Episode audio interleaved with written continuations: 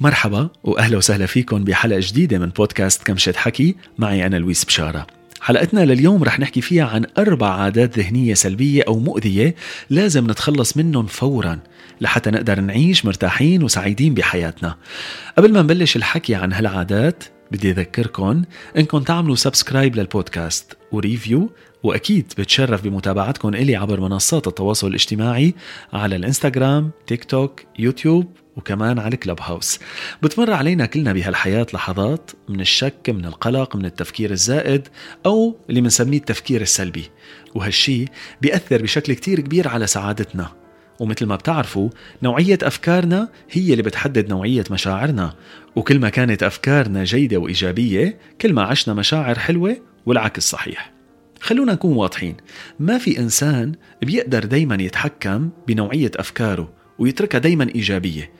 شي طبيعي إنه يمرق على عقلنا أفكار سلبية بس التحدي الأكبر قديش من المساحة ومن الوقت اللي ممكن نعطيه لهالأفكار.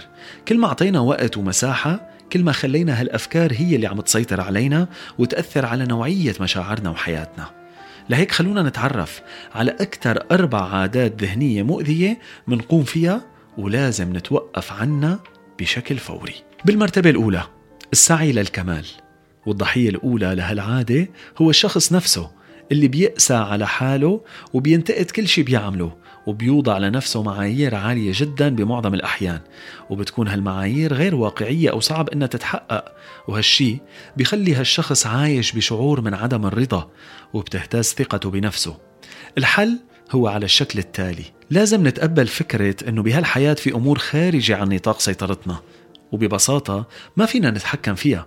فما لازم نطلع على أي خطأ أو عدم اكتمال لشغلنا أنه هو شيء سيء أو أنه هو شيء مأساوي.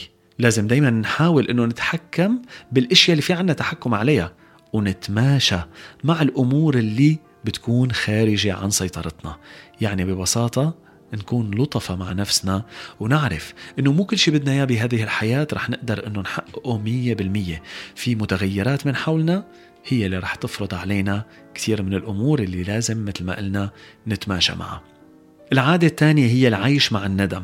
الندم هو واحد من المشاعر المؤذية وهو حالة من جلد الذات أو لوم النفس على نتائج خاطئة أو قاسية مرقت علينا وحالة من التمني. لو أن أخذنا قرار مختلف لكننا وصلنا لنتائج أفضل قديش بتسألوا حالكم يا ريت ما أخذت هداك القرار أو لو عملت هالقرار كان ممكن حياتي تكون أحسن. برأيي الندم مش دايما سلبي ممكن يكون كمان مفيد إذا عرفنا كيف نستخدمه كوسيلة لنتعلم من الشيء اللي صار معنا. بس ننتبه إنه التمادي بالندم هو اللي رح يخلينا نقلق ونغرق بالماضي. الحل إنه نركز على اللحظة الحالية. لا تخلي عقلك ياخدك لبعيد ويعيد عليك أخطاء الماضي ويحملك كل مرة المسؤولية. العادة الثالثة هي مقارنة نفسنا بالآخرين. المقارنة من العادات الذهنية اللي مش بس ما بتخليك سعيد إنما بتسرق السعادة اللي عندك إياها. أسوأ شيء ممكن إنسان يعمله بحق نفسه وبحق مواهبه وشخصيته هو مقارنة نفسه بالناس اللي من حوله. وللأسف صرنا عايشين بوقت بنسميه وقت السوشيال ميديا. حياة الناس عم تنحط أجزاء منا ودقائق منا قدامنا عم يحطوا أجمل اللحظات. أو اللحظات اللي بيعيشوها وبتكون مؤقتة أو ما بتكون حقيقية وصادقة. وهالأمر بيخلينا نشك بحالنا ونشك بحياتنا ونقارنها مع الشيء اللي عم نشوفه على منصات التواصل الاجتماعي. الحل هو بسيط ما تقارن حالك بالناس أنت هو الشخص الوحيد اللي لازم تقارن حالك فيه قارن حياتك اليوم بحياتك امبارح وحاول إنك تلحق شغفك وحلمك وطموحك بالحياة.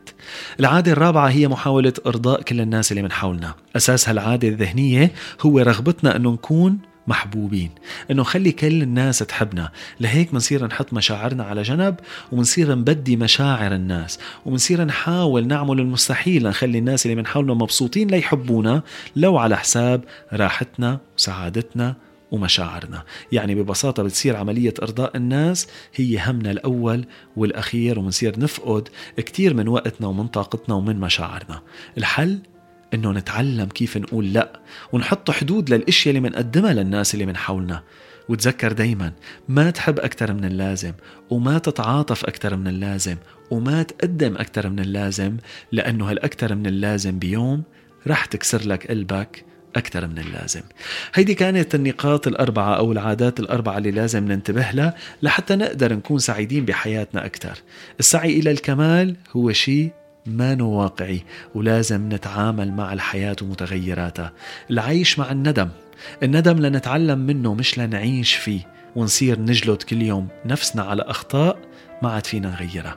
العادة الثالثة مقارنة أنفسنا مع الناس اللي من حولنا وخاصة مع الاشياء اللي بنشوفها على السوشيال ميديا والعادة الرابعة أنه نحاول نرضي كل الناس اللي موجودين بحياتنا. إن شاء الله تقدروا من اليوم ومن بكرة تبلشوا تشتغلوا على هالعادات الذهنية الخاطئة وتغيروها بحياتكم وتبلشوا تلمسوا الفرق. أنا بدي أحييكم وأشكركم على الاستماع ورح أرجع ألتقي فيكم أكيد بحلقة جديدة من بودكاست كمشة حكي معي أنا لويس بشارة. إلى اللقاء.